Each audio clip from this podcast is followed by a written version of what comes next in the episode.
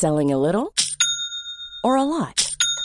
Shopify helps you do your thing however you cha-ching. Shopify is the global commerce platform that helps you sell at every stage of your business. From the launch your online shop stage to the first real life store stage, all the way to the did we just hit a million orders stage. Shopify is there to help you grow. Shopify helps you turn browsers into buyers with the internet's best converting checkout. 36% better on average compared to other leading commerce platforms because businesses that grow grow with Shopify. Get a $1 per month trial period at shopify.com/work. shopify.com/work. Vilken är er senaste googling? Alltså jag googlade precis en grej för att jag var helt säker på att jag hade fått ett spam-mail från Facebook för de sa så här aktivera ditt Facebook Protect och om du inte gör det så kommer ditt, uh, ja du kommer bli utelåst från ditt konto och jag bara det här låter verkligen som spam. Men sen så någonting fick mig att, att kolla upp om det stämde. Och det visade sig att det gjorde det. Eh, annars brukar jag ju väldigt snabbt och lite så här nästan ticsartat rensa min Google-historik så fort jag googlat saker. Så eh, ja, det var tur att jag hade det i minnet. Jag googlade på kryptovalutan Polkadot. För jag, som ett experiment köpte jag 100 kronor Polkadot för ett, i research-syfte. Och nu såg jag att jag köpte på toppen. det är därför man inte ska investera i kryptovaluta. Ja, tråkigt att höra, men också kul. Eh, min senaste sökning var pannkakor, två ägg. Och det är nog också min allra vanligaste sökning, för jag lär mig aldrig eh, hur mycket det ska vara av allt. Och eh, när jag söker på pannkakor, två ägg så vet jag att jag hittar det receptet jag alltid går efter.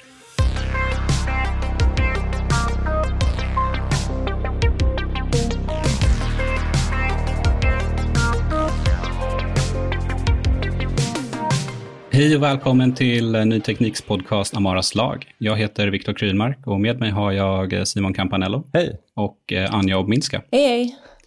Eh, jag vill bara börja med att säga tack för all den här fina responsen vi har fått efter våra tre första avsnitt. Eh, och så himla roligt att ni redan är så många som lyssnar. Det är lite gåshud. Superkul. Och lite läskigt mest kanske. Att det är så många som ja. hör dig. ja, så är det får leva med det när man startar en podd. Va? I uh, förra avsnittet så pratade vi om något som tydligen inte går att beskriva med ord, kvantatorer. Och uh, idag tänkte jag att vi ska prata om uh, sökhistorik. Och ja, det blir väl viss tyngd på den där sökmotorn Google som vi alla känner till. Det blir integritet på nätet och planen är att göra det här utan att du som lyssnar somnar. Vad tror ni om det? Förvånad över att du inte använder Bing. Dagens påhopp. Dagens första. Eh, för jag har märkt, eh, dels hos mig själv men också hos andra, att liksom tröskeln för att bry sig om det här med personlig data och hur den används online, att alltså, tröskeln för den är ganska hög. Eh, men man ska ju bry sig.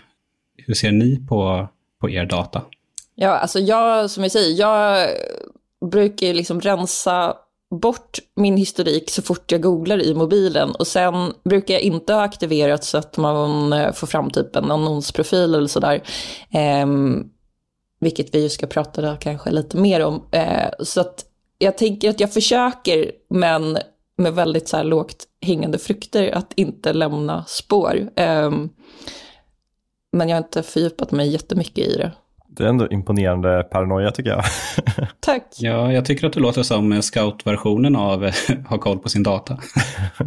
Alltid redo. Det, det köper jag. Jag, känner, jag har ju skrivit i ganska många år om dataskydd och integritet och sånt där väldigt intensivt. Men själv är jag nog eh, lite tvärt. Jag ser mig nog som lite försökskanin. Jag, jag delar med mig av allt för att se vad som händer. Och det som händer är väl att jag får konstreklam och att någon säkert tjänar pengar på mig, tänker jag. Men allt det här gör du för the greater good? Ja, det är för er skull, så ni slipper dela med er. så jag kan få rensa min historik istället konstant? Ja, tillsammans går vi plus minus noll. Ja, fint. Eh, I alla fall, för att krydda det här avsnittet så genomförde jag och Simon ett läskigt byte igår. Eh, Simon, hur känns det att jag snart kommer veta allt om dig? Ja, det är det jag undrar vad du kommer få veta om mig egentligen. Jag är lite mest nyfiken på det. Mm. Är det dina mörkaste hemligheter som finns i sökhistoriken? Jag hoppas det. Uh, och jag ser, mycket fram emot att grotta i detta. Uh, så ge mig din sökhistorik. Ja, den kommer här. Jag slackar den till dig. jag ska ju få kolla på dina hemligheter också. Hur, hur känner du? Har du något riktigt hemskt som ligger där? Jag vet inte. Uh, alltså, från det att man tänker en tanke till att man tar upp telefonen och söker efter något. Alltså det, det, avståndet är inte superlångt så det kan ju vara precis vad som helst i det här. Det känns lite läskigt ändå det här. Ja, jag, är mer, jag tror inte jag har så många hemligheter liksom i sökhistoriken. Jag tänker mer att det finns väldigt så konstiga, som du säger, det är väldigt impulsivt ofta. Eh, man hör något eller man pratar om någonting och så bara går man igång på en sån tråd av eh, märkligare och märkligare sökningar. Mm. Jag känner igen det helt. Eh, nu ska jag, se, jag ska skicka min fil till dig också. Ser fram emot det. Där har du den. Eh, ja, det vi hörde där var alltså när jag och Simon bytte ofiltrerad sökhistorik med varandra. Och tanken är att vi ska göra lite nedslag i den här i, i varandras sökhistorik eh, senare i avsnittet. Och vi får säga direkt att Anja, du vägrade vara med ja. på det här experimentet. Såg ja. skräcken i dina ögon när vi började prata om det. Ja, och så fort man eh, Alltså så fort, vi har ju skojat lite om det här, att liksom, jag sa verkligen tvärnej och det är inte för att jag känner att jag har någonting att dölja för er. Jag är ju bara väldigt mycket så här, jag tycker att folk har, eh, man har rätt till sin integritet. Det är liksom inte som att äh, jag googlar på några jätteskumma saker. Jag, sen så känner jag i och för sig igen det här att det kan lätt bli nästan ett svart hål, att man bara fortsätter att googla äh, ner sig. Men ja, jag kände, nej tack, det vill jag inte vara med på. Nej, det hedrar dig. Men så här, eh, Alltså om man laddar ner hela min sökhistorik så vet man ju typ allt om mig. Eh, eller hur? Ja, förmodligen då. Jag vet ju nu allt om dig. Precis. Så jag funderade på om det är någon som kan se min sökhistorik alltså redan idag utan att typ så här hacka mitt konto. Så jag eh, kontaktade Carl Emil Nicka som är grundare för Nicka Systems och som förra året utsågs till årets säkerhetsprofil för att liksom höra om det är så. Den sökhistoriken är inte end-to-end krypterad. Det innebär att det alltså inte är någonting som synkas med ett lösenord som du själv har valt krypteras i din webbläsare innan det synkas till din, dina andra webbläsare och dekrypteras där. Utan den informationen är enbart transportkrypterad när den överförs mellan dig och Google. Så det finns anställda på Google som har åtkomst till den datan. Men vilka som har åtkomst till den, hur de har åtkomst till den och när de har åtkomst till den, det är garanterat extremt hårt reglerat så att det inte kan missbrukas. För Google vet ju om hur pass känslig den här datan kan vara. Så bara för att det finns andra som kan ha åtkomst till den så betyder det inte att vem som helst som sitter på eh, någon tjänst på Google har möjlighet att gå in och kolla på just din data. Men nej, den är inte end-to-end krypterad så det finns andra som har åtkomst till den. Oj, jag, jag tycker inte riktigt dra en parallell att det då och då eh, så ser hon eh, i nyheterna eller läser att eh, det är folk som inte har behörighet som läser andras journaler, typ så här, en släktings eller en respektive eller någonting. Så är så här, hur kollar de att inte det händer på Google? Du menar att, eh, att Google-ingenjörer inte är mer pålitliga än läkare? Nej, men jag menar eftersom det händer inom vården där det är så himla mycket eh, sekretess och eh, ja, att, att man vet att det är känsliga uppgifter och ändå så händer det där. Så vad säger att det inte händer på Google? Hälsar då jag som har lätt paranoia. ja, det är kul att du, att du tar upp det. För eh, jag skulle precis ge mig in på så här, varför ska man bry sig?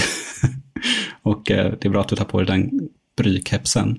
Eh, för det var ju precis det vi inledde avsnittet med, att så här, eh, varför ska man bry sig om att ens personliga data samlas här på ett ställe?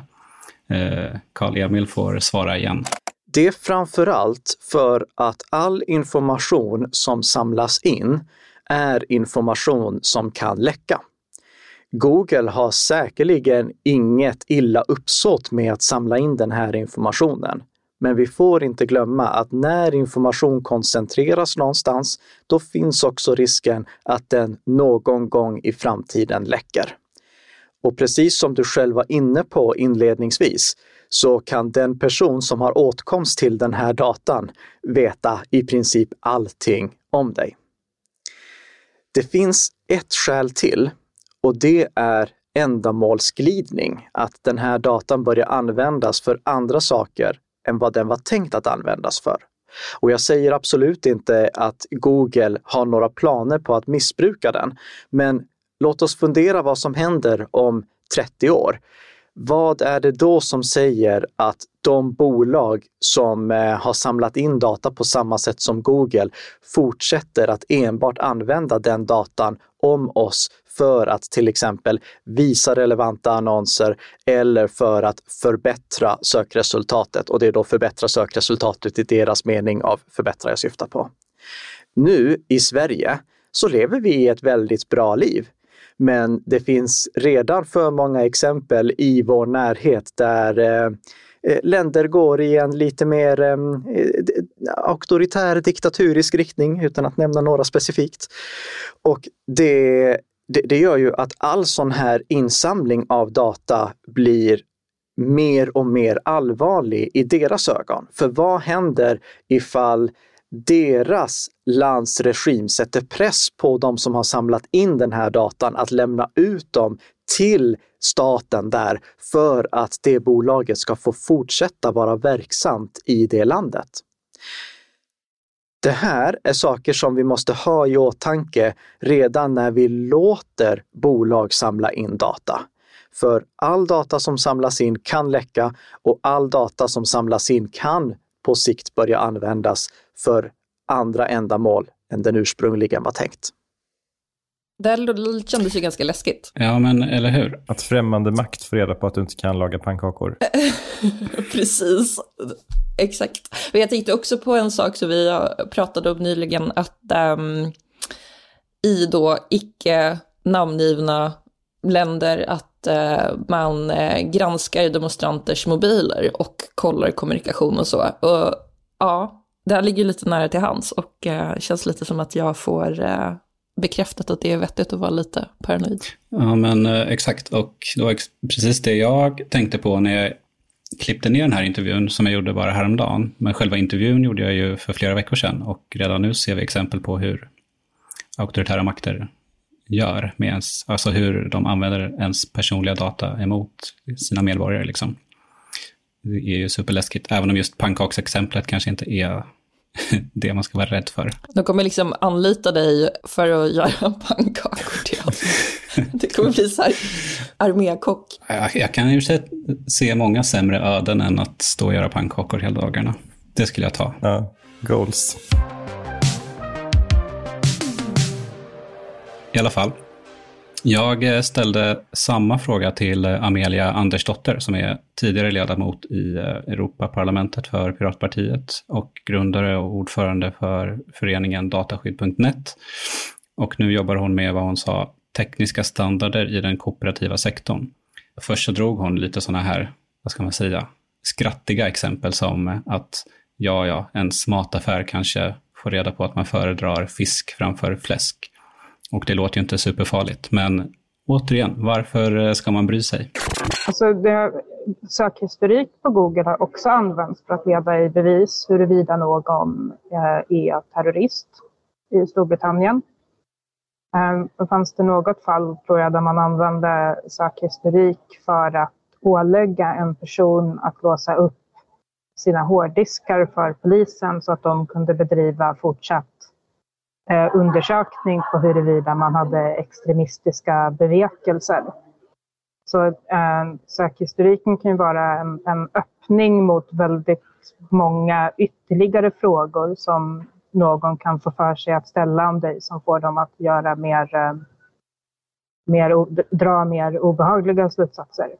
Låt oss ponera att du är en person som föredrar att inte äta fläsk.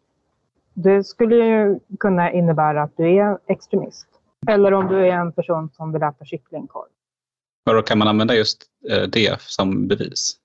Man kan använda det som en del i bevisning på att, eh, på att du har vanor som eh, lånar sig till att man behöver utreda dig vidare.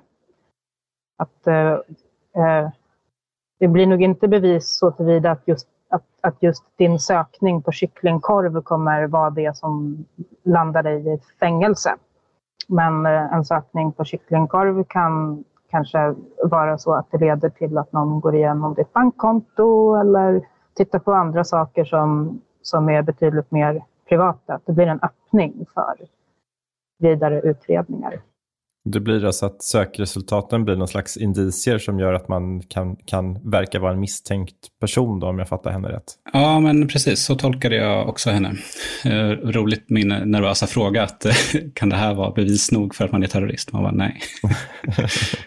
men eh, hon menar exakt det som du sa. Det är ju lite roligt för oss också för att eh, eftersom vi jobbar som journalister så blir vår sakhistorik nog väldigt, väldigt, väldigt märklig. Man undrar liksom vilka bevis eller delbevis man kan, man kan ju hitta väldigt mycket på oss som, eh, ja, lite oroväckande igen. Ja. ja, men precis. Just nu måste det vara väldigt svårt också för att hela, halva befolkningen sitter och googlar olika vapensystem och skyddsrum och bomber. Liksom. Det, det måste bli väldigt svårt att, att sålla fram vem det är som eh, eh, vill illa. Mm, verkligen. verkligen.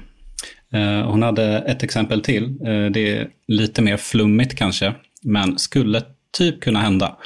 Då rör det mer så här, typ ens kreditvärdighet och eh, hälsotillstånd som kan påverka försäkringskostnader och kanske en arbetsgivares inställning till dig som person. Det hon menar är, i det kommande exemplet är, det finns en stor risk att felaktiga slutsatser kan dras Därför kommer felaktiga slutsatser att dras när data hamnar i liksom olika datorsystem som inte förstår ens uppsåt till googlingar. Alltså det som ni nyss var inne på.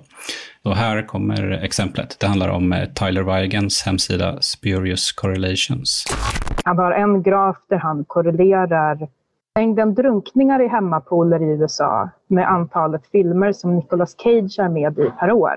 Och man kan tänka sig då att eh, säg att du är ett Nicolas Cage-fan som alltid tittar på alla filmer han är med i så fort de kommer ut.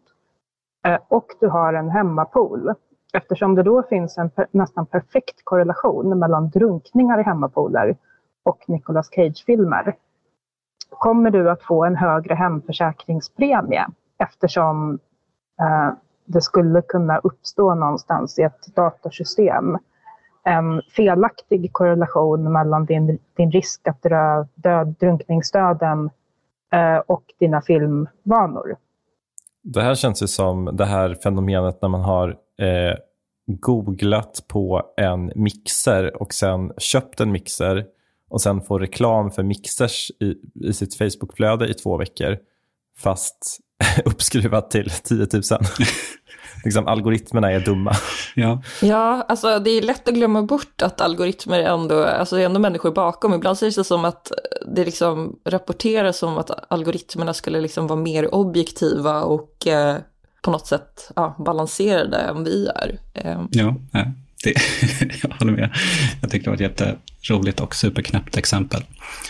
Okej, okay, men hur, eh, hur försiktig bör man då Eh, vara? Alltså, Anja, du har ju koll på det här, men du som lyssnar kanske inte har lika stor koll på eh, eller bryr dig lika mycket om din personliga data. Eh, så jag fick en liten punktlista kan man säga av Karl-Emil.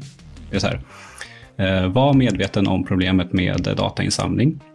Agera efter det. Och det gör ju du Anja, superbra. Det går bra att använda Google, men gör det med försiktighet. Och det gör ju du Anja, superbra.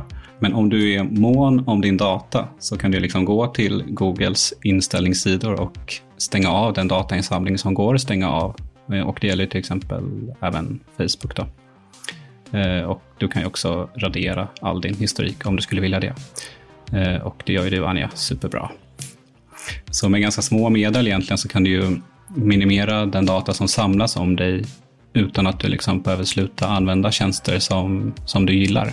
Har ni något eh, att tillägga där? Ja, alltså jag funderar på eh, en grej. Det finns ju andra webbläsare som också är mer, ja, mer fokuserade på att automatiskt vara liksom integritetsvänliga eller så. Men svårigheten med det när jag försökte använda dem, apropå att nu vi nu fokuserar väldigt mycket på Google, är ju att man får ju liksom inte lika bra sökresultat. Men det beror väl också på att det är många eh, av oss, jag är ju inte alltid exemplarisk, men som också delar med sig av väldigt mycket. Jag vet inte, Simon har kanske bättre koll på det här. Ja, vi har faktiskt skrivit en guide om det här på nyteknik.se som vi kan länka i eh, avsnittsbeskrivningen. Där vi går igenom punkt för punkt hur man liksom kan eh, minska data som både Google och andra företag samlar in. Det gör vi.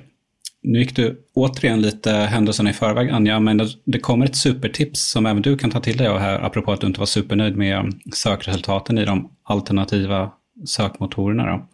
Så här kommer några supervassa tips av eh, Karl-Emil. Kollar vi på DuckDuckGo så är DuckDuckGo en sökmotor som i största utsträckning köper sina sökresultat från Bing. Och jag tror att när du har testat Bing i Sverige så har du inte heller varit lika nöjd med sökresultaten som du har varit på Google. Jag säger inte att Bing är en dålig sökmotor, men för mig som bor i Sverige har den inte fungerat lika bra som Google. Ryan Reynolds här från Mint Mobile. Med priset på nästan allt som går upp under inflationen, trodde vi att vi skulle bring våra priser down. So to help us, we brought in a reverse auctioneer, which is apparently a thing.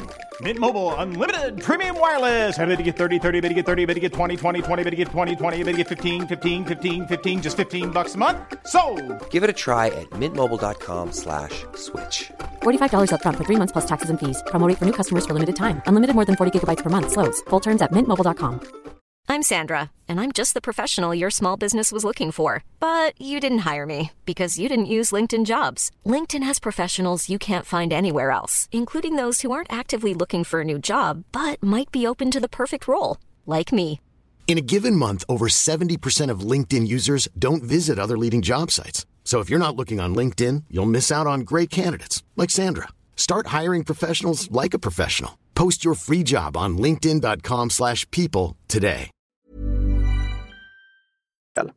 Men eh, det är inte bara DuckDuckGo som är en integritetsvärnande sökmotor. Det finns många fler, till exempel Startpage. Och den stora skillnaden mot Startpage, som är en nederländsk sökmotor, det är att medan DuckDuckGo köper sina sökresultat från Bing, så köper Startpage sina sökresultat från Google. Så jag har Startpage som min sökmotor, min startsida på nätet så att jag kan söka med Googles kraftfulla sökmotor utan att eh, det samlas in någon data om mig som sedan används för att servera relevanta annonser eller för att eh, eh, personanpassa sökresultatet. Det finns inte lika många häftiga sådana här specialfunktioner i Startpage. Det tar lite längre tid att ladda sidan. Men för mig så är det helt acceptabelt för att jag ändå ska få så bra sökresultat som jag får med Google, fast på ett integritetsvärnande vis. Det var ett bra tips. Ehm, jag har ju tidigare testat DuckDuckGo, men det jag funderar på eh, är, då eh, som vi pratade om lite innan, men jag gissar att sökresultaten är så bra just för att andra har delat med sig så mycket av eh, sig själva. Man får liksom dra nytta av alla andras data då, utan att ja, dela sitt eget. Exakt. Osolidariskt. Mm. Jag tyckte det var lite roligt att uh, jag har också testat uh, DuckDuckGo och inte varit supernöjd med resultaten. Och så visar det sig att de bara köper in söket från Bing. Ja, det förklarar allt. alltså, läge att lägga ner Bing.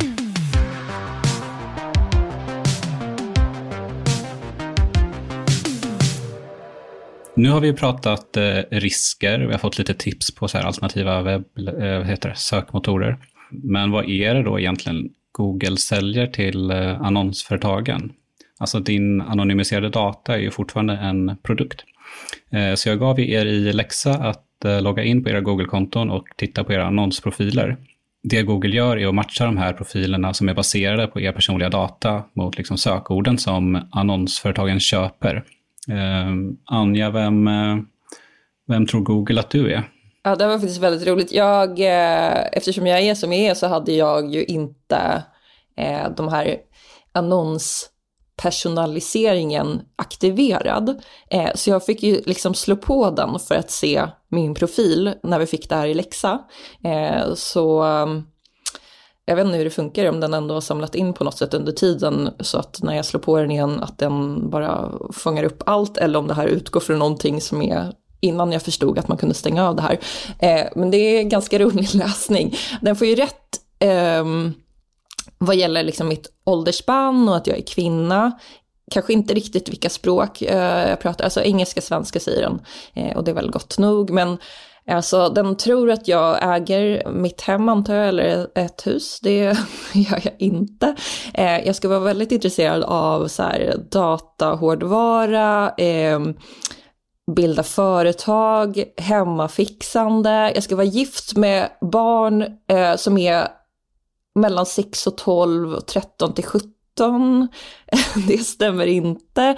Men eh, den lyckades i alla fall pricka in att jag gillar hundar.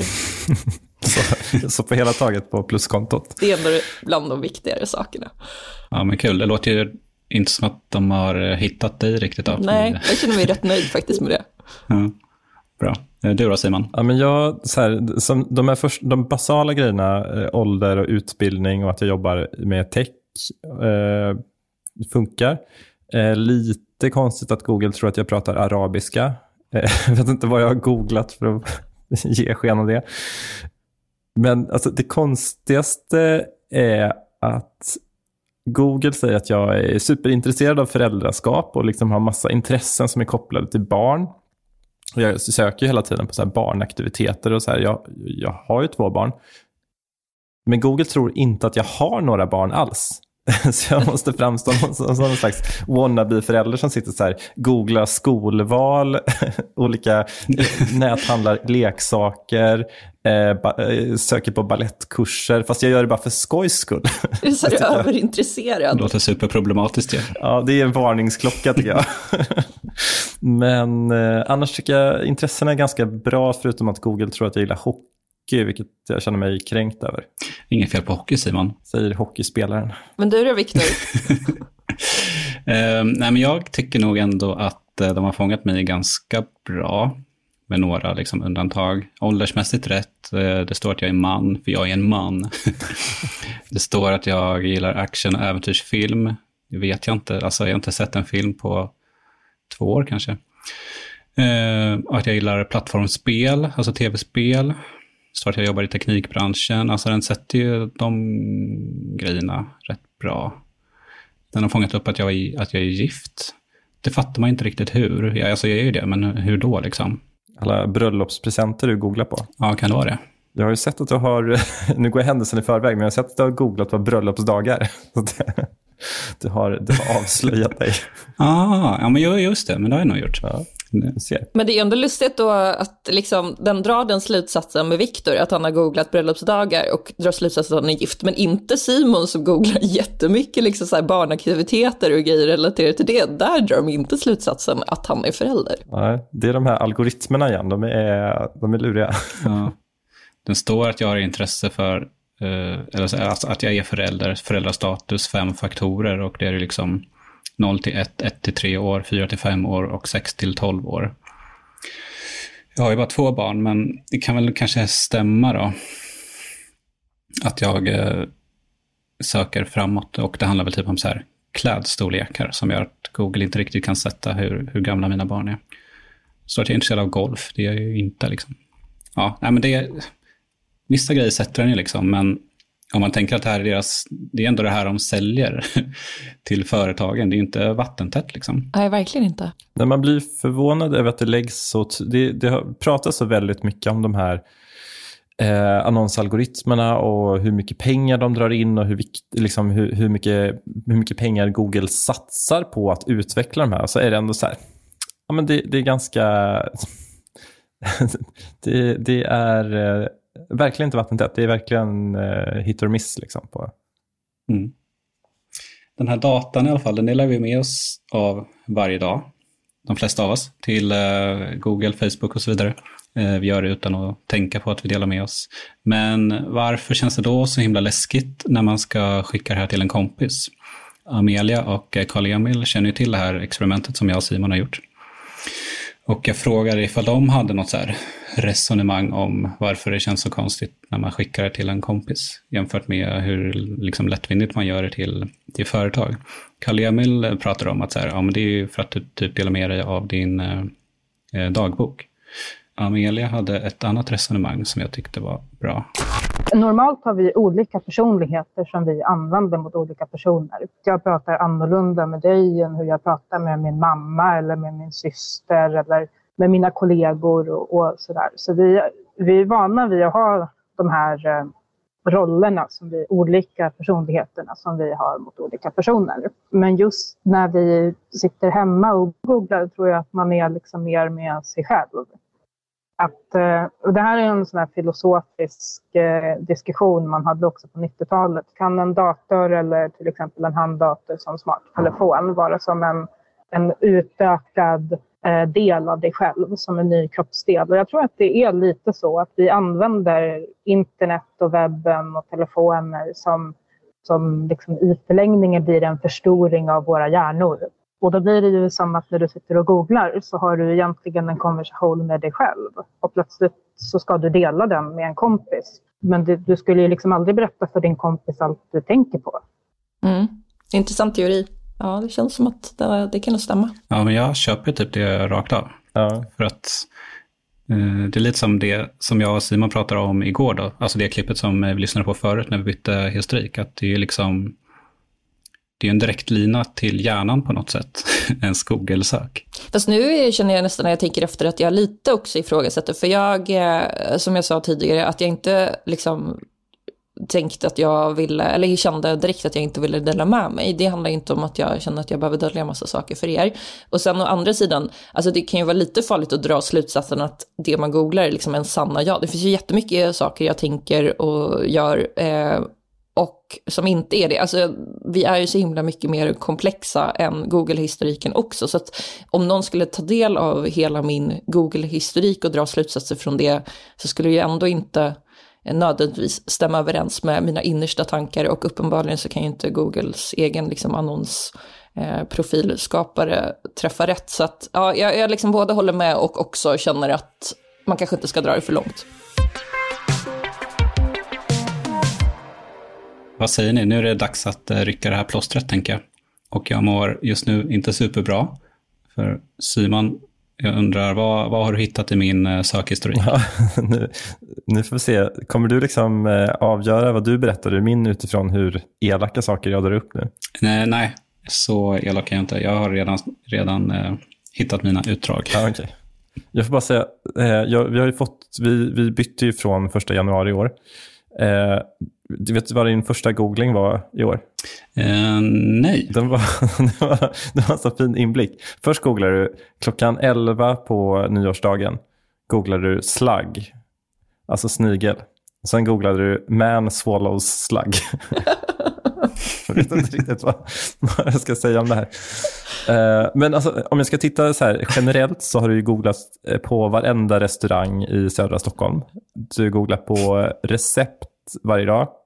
Du googlar på pannkaksrecept väldigt ofta, vilket jag också gör, så det kommer väl bita mig då. Sjukaste är när du googlar skiva morot. ja, men det var, ärligt talat så var det att jag inte visste skillnaden på att skiva morot och eh, slanta morot. Det, jag vet fortfarande inte vad som är rätt och fel där, eller vad, vilket som är vilket. Ja, det, det ska vara en fin inblick. Eh, väldigt mycket av ditt liv verkar fokusera kring mat. Eh, vi har en så ganska fin, eh, man, man, ser den 5 februari så märker man att du var desperat efter att hitta något att göra med barnen. För så här, strax innan klockan åtta på morgonen började du googla på simhallar. Sen googlade så här, trampolinpark, klätterhall eh, och till slut, slut så googlade du bara så här, kul för barn i Stockholm. Sen verkar det som att du landar på att åka till 12 i Globen för det började vara så här 12 restauranger, 12 parkering, 12 öppettider. Eh, stämmer det? Ja, det stämmer. Det var precis den sista liksom, pandemiskjutsen när allting var liksom, så begränsat. Vi ville åka till någon simhall, men eh, de hade så begränsat med eh, platser. Så då åkte vi och bowlade istället. Ja. Och det verkar ha varit en ganska slitig dag, för när jag kom hem så på kvällen så googlade du först Toscana och sen semester i Katalonien. Jag antar att du bara ville bort från någonting. Eh, men det är ganska fint, Ja. man får så här lite, det är ju så här vardagslivsdokumentation på något sätt tycker jag. Det var, det, var, det var nästan lite mysigt att läsa. Jag kände också det, jag blev lite så här varm av att höra det här. Det var Det var jättegulligt. ganska trevligt. Min finaste, min finaste så här sök, eh, som jag inte förstår riktigt, är när du börjar söka på Naturvårdsverket. Sen söker du på naturväsen och sen till sist på skogsväsen. Det känns dock som en hänt. klassisk liksom, googling när man bara går från det ena till det andra och börjar bli så här, men gud, hur sjutton kom jag in på det här? Ja, jag, jag minns inte den sökningen. Det känns som att du hade, var inspirerad där. Men annars, jag hittar liksom inget så här, inget mörkt eller hemskt. Eller, det, var mer, det var mer som att eh, få eh, hänga med lite i vardagen kände jag. Mm. Eh, skönt att du inte hittar något mörkt. eh, men eh, du Simon, här snackar vi mörker. jag skojar. Eh, men du är tydligen väldigt nyfiken på en jacka från någon serie som heter Dope Sick, tror jag. Men när du började söka efter det här, det här var bara häromdagen, så förvånar jag över din liksom, naiva första sökning som bara är dope. Spännande, det här kommer inte jag ihåg. Jag delar ibland dator hemma med min fru så att jag kanske får skylla på henne. Okej, Föl, följt av eh, Dope Sick skidjacka Ja. till bara Dope Sick och då landade du i en artikel på DN. Så jag vet inte om du hittade vad du sökte eller om då din fru hittade vad hon sökte. Det tyckte jag var lite kul för att jag kunde på något sätt känna igen mig i sök, liksom, sökkedjan. Eh, Sen så undrar jag, hittade du vad du sökte vad gäller Stocke tripptrappstolen? Det var kanske, var det 800 sökningar på det eller? Ja, nästan. Det var i alla fall eh, över 20 på bara en dag. Ja. Eh, den har precis, den kom med bud igår. det, är, det här kanske är mer liksom ett mönster. Det, här, det ger kanske en inblick i hur allting, hur, både, hur, hur vi hemma så handlar saker på nätet genom att över-researcha. Det är väldigt sällan eh, det går så snabbt och spontant. mm, alltså det var, det var verkligen liksom eh, allt ifrån alltså diverse återförsäljare som du besökte och det var liksom Trustpilot. Alltså hur mycket research kan man göra om en barnstol? ja, men eh, ganska mycket om man är tillräckligt störd. ja. Sen började jag ömma för dig, för ganska direkt därefter så började du söka efter vin. Så att jag, jag håller helt med i liksom, eh, det du sa förut, att man får lite så varm känsla av att titta i någons sök. Det ger ju en eh, ganska mysig inblick på något sätt. Eh, Den 3 januari så verkar det som att det var i Byggartagen. Då var det alltså en lång rad sökningar av typ så cirkelsåg, tigersåg, raka snitt i metall, hyra verktyg, hornbars och så vidare. Ja. Vi skulle Ja, kapa, gång vi skulle kapa en eh, kökslucka med metall. Ja, Ja. gick det bra? Eh, nej, det är inte gjort ännu. Nej, okej. Och där tycker jag också att man ser så här ganska naturligt sökmönster, att du liksom trevar dig fram med liksom sökterm efter sökterm och sen hittar du rätt. Men efter den här långa raden av sökningar så kommer plötsligt sökningen Naked and Afraid. Ja, Jag fattar ingenting. Det är en eh, reality-serie där, eh, man, där deltagarna eh, ställs nakna och rädda mitt ute i djungeln och ska överleva i typ några veckor. Jaha. Så känns det efter man har fokuserat på köksrenovering i några timmar. Så vill man se någon annan lida. Jag, ska säga, jag förstår så här, suget efter den typen av serie, men det är roligt Viktor, när, när, alltså, så här, när man inte vet vad det är så låter det ju som något helt annat. Ja, jag såg ju framför mig att det var Simon som satt och var naken och eh, rädd efter det här djungeln av liksom byggsökningar. Ja, men det var, det var nog eh, korrekt också. Eh, sen undrar jag, hur mådde du eh, den 4 januari när du sökte på Simon Campanello? det, var, det är alltid en bra fråga. Pass. Okej. Eh, jag kollade faktiskt också upp din eh, första sökning för året. Eh, minns du vad det var? Nej, jag har verkligen ingen aning. Nej, för klockan 00.08.41 sökte du efter Christopher Murray. Ja, Vem är det? eh, vad är han? Han är så här eh, em, eh, expert på kungligheter va? Jaha. Ja. en, en tv-personlighet kanske. Ja. Ja. Vad googlar du på på nyårsaftons natt? jag förstår inte, jag förstår inte frågan. Jag minns inte, jag vet inte om jag eh, googlade. Det borde du veta. Ja. Nej, gjorde du inte. Nej. Ja. Känner du att du känner mig bättre eller sämre? Men lite bättre, alltså så här, jag känner det ändå lite utan Google. Och eh, liksom min bild av dig återspeglas ju i dina sök, tycker jag på något sätt. Alltså att det är så här, det är lite byggprojekt, inte för att du är en byggkille, alltså så här, byggkille, utan eh, eh, jag vet ju att du håller på med en del grejer, eller att ni gör det i er lägenhet och eh, jag vet ju att du har barn, så att det är liksom inte jättekonstigt att du söker efter barnprylar. Jag vet att du dricker vin, alltså att du har ett vinintresse. Det låter, det låter superbra det här. Så att, eh, ja, nej, men det var ju bara att det blev lite mer konkret allt jag redan vet på något sätt. Ja, att du, be- du bekräftade att det inte bara var en fasad. Mm. Det känns så fint Ja, att du är dig själv på jobbet. härligt.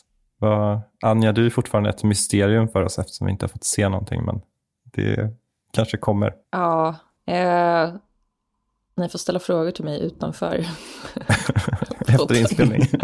ja ja, nej men jag tycker också det här kändes ju mycket finare att höra eh, liksom hur ni, det ni har delat med er och fått liksom veta om varann än det när man kollar liksom Googles profil som ändå känns så här, ja men både att den är lite fel men det blir ändå någon slags konstig distans till och, och som jag sa, alltså det här känns ju mer så här, lite som att man fick följa med er under en dag eller någonting på, på ett så här väldigt fint sätt.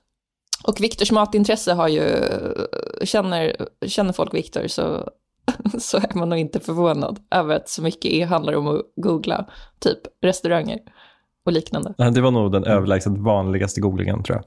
Restauranger och recept. För googla restauranger mycket så besöker jag restauranger väldigt sällan måste jag säga. Det är nyfikenheten bara. Ja, Ja, men du brukar ju ha koll på senaste heta. Eh, så får jag fråga dig, Jaha, vad, vad, vad gör de för någonting? Vad är det för en kök? ja, så är det ju. Det är bara att jag måste ta tag i det och ta mig dit också.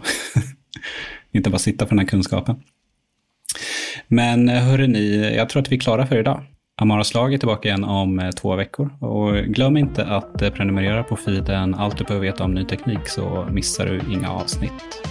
Adjö, adjö. Hej då.